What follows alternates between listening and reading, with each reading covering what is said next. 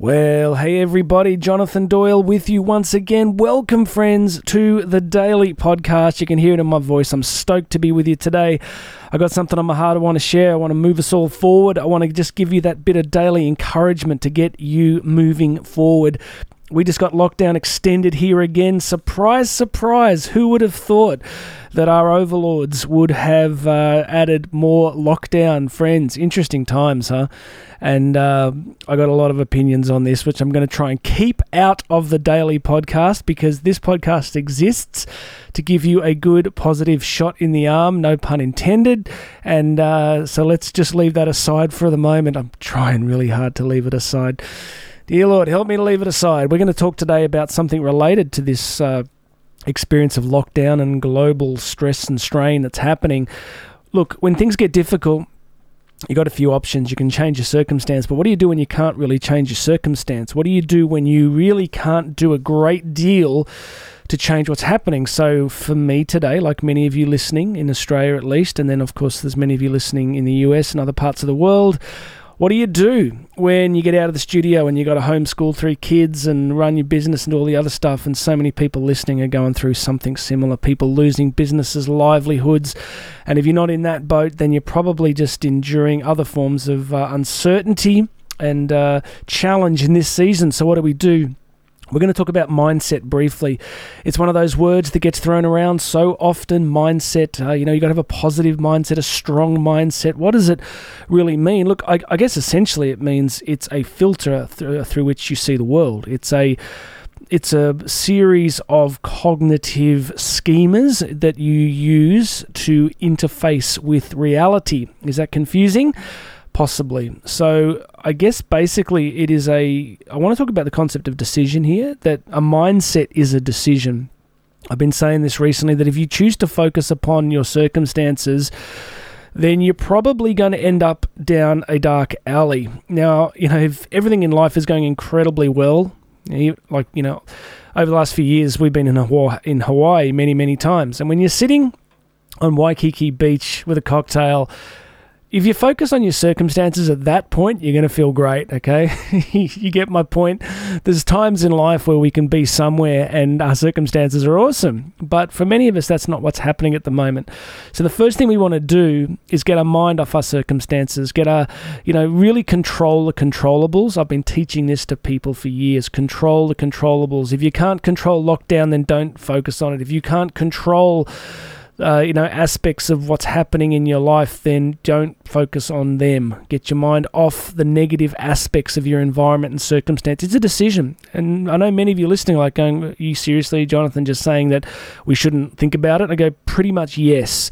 If you can't change it." and you know that it's going to pull you down, then you have to get the mental discipline of not focusing upon it. So let's talk about mindset. I want to give you a couple of quick quotes here. There's a great quote I came across from Albert Ellis who says this The best years of your life are the ones in which you decide your problems are your own. You do not blame them on your mother, the ecology, or the president. You realize that you control your own destiny. First point that if we want to build a strong mindset in these difficult times, we have to realize that our problems are ours to deal with. And I know some of you would say, as I would, as I have felt, that, well, what if you didn't create the problems? You know, what, what if somebody else forced them upon you? Correct. But you still have to deal with the reality. You still have to realize that, okay, these things have been put upon me. What I get to control is the response. The response is my problem. The response is what I get to choose. So we begin to realize with a strong mindset that we are in control of how we see reality. We really are, that we are in control of how we begin to think about what's happening to us. So, a couple more quick ones here. Uh, there's one great one from John Maxwell. Many would recognize him as the uh, arguably the most well known leadership guy in the world.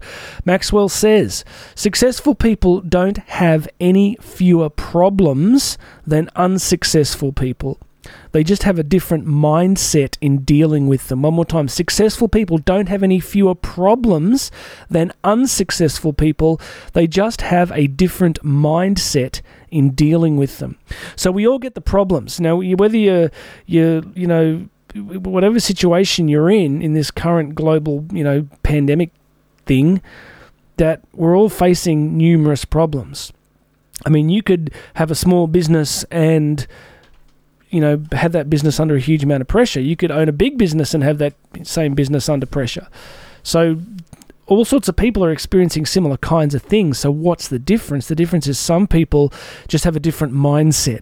And Look, another possible thing that could be helpful for you around mindset is to realize that when things are awful, when things are really difficult, you either buckle into depression, addiction, blame, rage, all that sort of stuff. And we're all feeling it, right? I'm not saying that anybody's immune from it.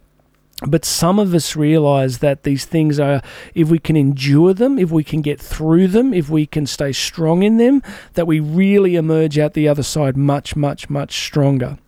So, the last one here is from Winston Churchill, who says, Only changes in mindsets can extend the frontiers of the possible. Only changes in mindsets can extend the frontiers of the possible. You know, thinking about Churchill and that sort of era in history, let's go back a bit earlier. Um, I grew up with a, you know, a family that had a real interest in history and look back at the Napoleonic era. So the Battle of Waterloo with, uh, was 1815 and the kinds of warfare that they fought back then were all about uh, you know, cavalry charges and, you know, large groups of infantry basically running at each other and shooting. And when you come into World War One, one of the reasons that World War One was just so, you know, devastating in terms of death toll was because they were fighting the same kind of tactics but the technology had begun to change. So now there were machine guns, but they didn't have a different mindset around the kind of, you know, uh, infantry tactics. They just kept walking towards machine guns. So some of you going, hang on, what's this got to do with mindset? It's because if you stay stuck in an old mindset as things around you change, it can be really devastating.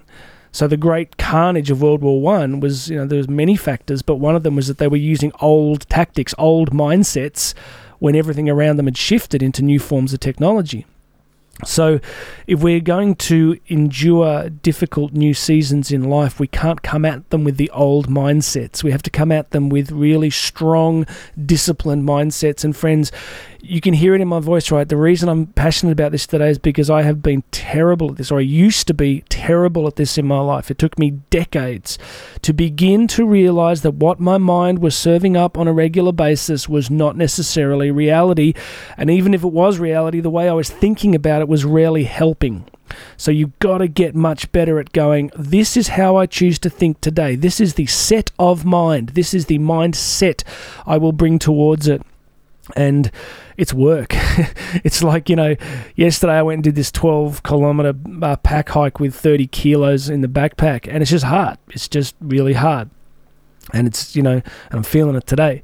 But the outcome of doing hard things is that we grow, that we get a lot of benefits from it. So, friends, I got to stop myself because I like to keep these short, but uh, I hope that's an encouragement for you today. Let's realize that no matter what's happening around us, we do have the capacity, the strength, the ability to make the right choices, to come at it with a strong mindset.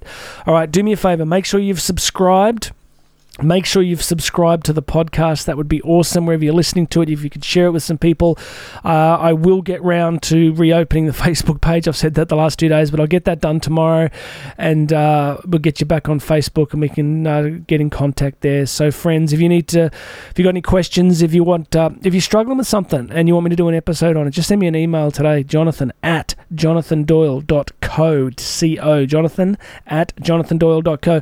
God bless you, friends. Make sure you've subscribed subscribed, share this with some friends. My name is Jonathan Doyle. This has been the Daily Podcast, and I'll have another episode for you tomorrow.